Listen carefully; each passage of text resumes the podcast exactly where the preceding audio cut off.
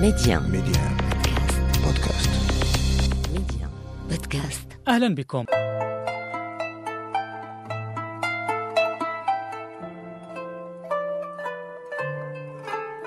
ذكرنا سابقا أن المغرب لم يكن متفردا فيما يتعلق باستقلاليته السياسية عبر التاريخ فحسب.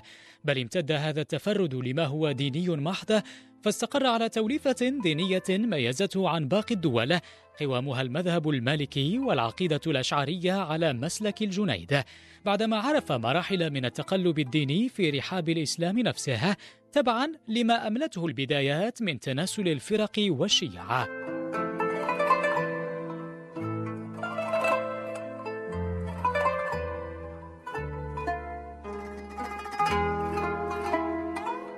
هذه توليفة سالفة الذكر قلة من الناس إذا ما استثنينا العارفين والمهتمين بالشأن الديني يعلمون أصولها وما دفع إليها وكيف هو أثرها على حياتنا اليوم. ناقشنا مع ضيفنا الدكتور مصطفى بن حمزة رئيس المجلس العلمي بوجدة ومدير معهد البعث الإسلامي للعلوم الشرعية بالمدينة. سياقات تبني المملكة للمذهب المالكي وكيف أن كثيرا من عادات المغاربة هي تفرع عن أصول دينية لهذا المذهب. وحدثنا ضيفنا عن العقيدة الأشعرية وكيف صارت هي الأخرى عمادا ثانيا للتدين المغربي. اليوم نخوض في شق آخر ميز المملكة وكرس أصالتها وهو التصوف. ثالث الأثاث للتدين بدين الإسلام على الطريقة المغربية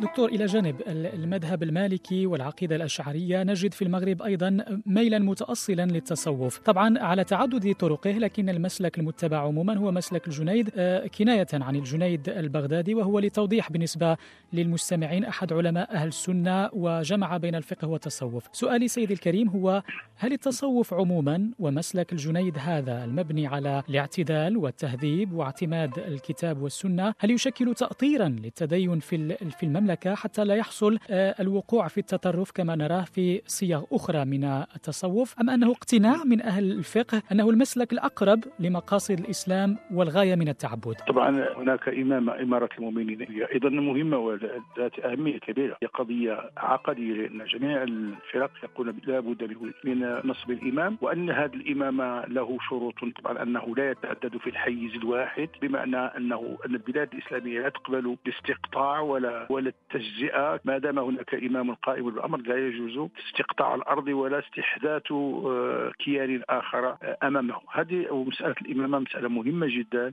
لأنها التي تمنع كثير من الذين يتسللون إلى بلاد أخرى على أساس أنهم يريدون استحداث إمامة أخرى. وبالتالي هذا يكون في نهاية المطاف هو بلخنة جديدة وتشتيت للمجتمع. وطبعا هو ما نراه الآن في العالم الإسلامي مع الأسف الشديد. آه، طبعا التصوف هو هو التعبير. الذي عبر به عن المرحلة التي تحدث فيها النبي صلى الله عليه وسلم. عن الإحسان. إحسانا تعبد الله كأنك تراه ثم سمي فيما بعد ذلك بالتزكية وسمي. العبرة بالمسمى لا بالتسمية. هذه هذا المعنى. يجب أن يكون مسايرا لما آمن به الإنسان بالإسلام. فلا يمكن أن يكون هناك تصوف غير مناقض للشريعة. من أن يرفض الشريعة وأن يرفض رسالة النبي صلى الله عليه وسلم أو يرفض الثوابت التي هي موجودة في العقيدة العقيدة الإسلامية فلا إذا لم يفعل ذلك وكانت مجرد تربية وتهذيب وتوجيه أو تفكير آه، معمق في الأشياء فهذا جائز. إذا حافظ طبعا على جوهر الإسلام وحقيقته. أنا يبدو لي أن التصوف المغربي يمثله أي في جانبه عملي في جانبه توضيحه الشيخ أحمد الزروق رحمه الله وله كتاب القواعد وهو كتاب جيد وله كتب أخرى. طبعا هو فقيه صاحب شريعة الرسالة وما إلى ذلك. فحينما لا يجد الإنسان تمزقا في نفسه أي حينما يكون متصوفا على طريقة هؤلاء العلماء الأثبات لا يتمزق لا يصبح له موقفان أو رأيان مرة مع الشريعة ومرة ضدها فهذا يكفي لأن يكون هناك ما هو منهج في التربية نظيف وسليم ولا تدخله طبعا كثير من من من الأشياء التي عمت في جهات متعددة والتزمت بعض الأفكار التي يصعب أن يقال بأنها أفكار إسلامية. ففي هذا الحدود كان المغاربه دائما متصوفين على نحو لا يشعرهم بهذا التمزق ولا بهذا التخلف تخبط وهذا طبعا كله جيد. وهذه ثوابت المغربيين.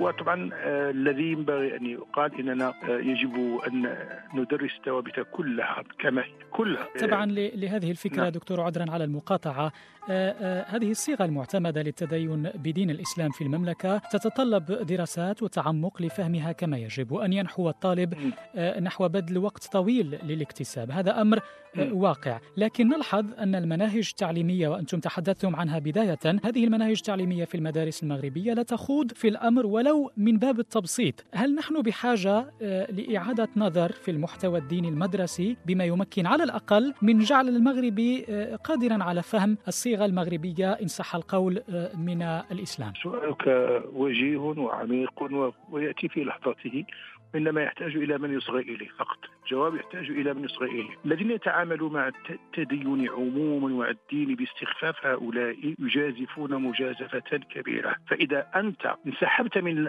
مكانك التديني فتحت المجال لغيرك وحينئذ لا يجوز لك أن تبكي على الأطلال. أن تقول هذه البلاد غزيت وأصبح فيها كذا وكذا. فإما وإما إما أن تكون أنت على دين تقيمها على العلم الشرعي وعلى الحقيقة وإما أن تنسحب وتترك المجال للآخرين وهذا الذي يقع الآن في العالم الإسلامي لذلك ترون أن هناك أطماعا تمتد وأنه أن هنالك تشوفات وأن هناك مطبوعات وأن هنالك أناس يؤجرون وليسوا من أهل الدين يؤجرون على أن يقولوا بكلام يؤدي في نهاية المطاف إلى الانسحاب، قضية التدين هي قضية وجودية، أن تكون أو لا تكون، انتهى الأمر، عند غير المسلمين هذا الأمر أصبح واضحا، وحتى التصرفات وحتى ما يكيف على أساس إنه آه، إما حدث هو في الحقيقة يرجع صادا لمواقف دينية لأناس آخرين. لا اطيع في هذا، فنحن حينما نريد أن نستبقي على هذا البلد وعلى وعلى السلم الاجتماعي وعلى الحرية لا بد من أن لسنا مختارين، لسنا مختارين، من باب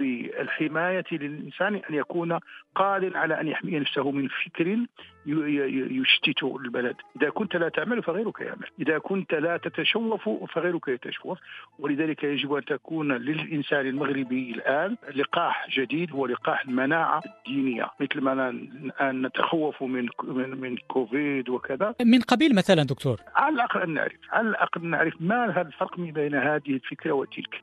ولكن ماشي نأخذ فكرة معروفة بتاريخها. هناك فكر مرت به شمال افريقيا مرة الدولة الفاطمية مرت وتركت مكانها والآن هذه المدابسات السياسية فيها بعض ما يتعلق أيضا ب ب ب ب بأشياء فيه هي موغلة في التاريخ. ربما الناس لا يهتمون السياسي لا يهتم كثير بهذا إنما يهتم بالأشياء الظاهرة لذلك أقول أن التعليم يجب أن يتولاه أو يخطط له أناس يحبون هذا البلد فقط. يحبونه ويمنعونه. ليس كل شيء نرفضه. لأننا متكلسون أو جامدون أو متعصبون. لا. أو كل من يأتي بفكرة هي صحيحة وسليمة لا. يجب أن نكون في الموقف التي موقع الذي يجب أن نكون فيه وسطا. وأن نقبل الأفكار الجيدة ولكننا نتخوف من الأفكار التي لها مشاريع للمستقبل.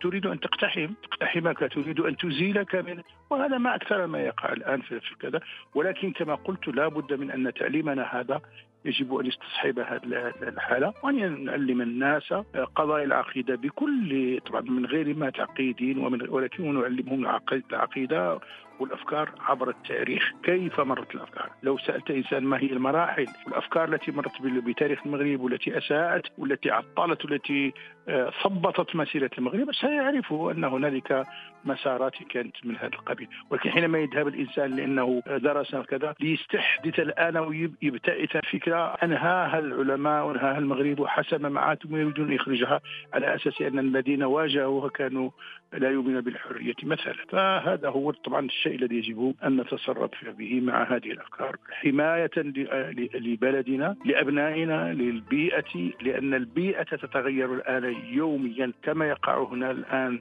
تلوث بيئي معروف يراه الناس ويخاف منه. الناس هناك تلوث فكري تلوث عقدي ربما يسير بسيرة أسرع ولا يرى ولا يعرف. إحنا ما عندناش ميزان ارتفاع التلوث الديني ما كاينش ميزان. كاين العلماء كاين الذين وهؤلاء العلماء إما أنهم لا يتكلمون من أنفسهم وإما أن العالم الإسلامي يستهين بفكرهم وإما أنه سيواجه إذا ذكر شيء ليس لا يجري على طريقة الآخر. دكتور مصطفى بن حمزة رئيس المجلس العلمي لمدينة وجدة ومدير معهد البعث الإسلامي للعلوم الشرعية بالمدينة. شكرا لكم سيدي الفاضل على كل توضيحاتكم وممتنون مرة أخرى لقبول دعوتنا. إن شاء الله. بارك الله فيكم. شكرا لكم على هذا الجهد.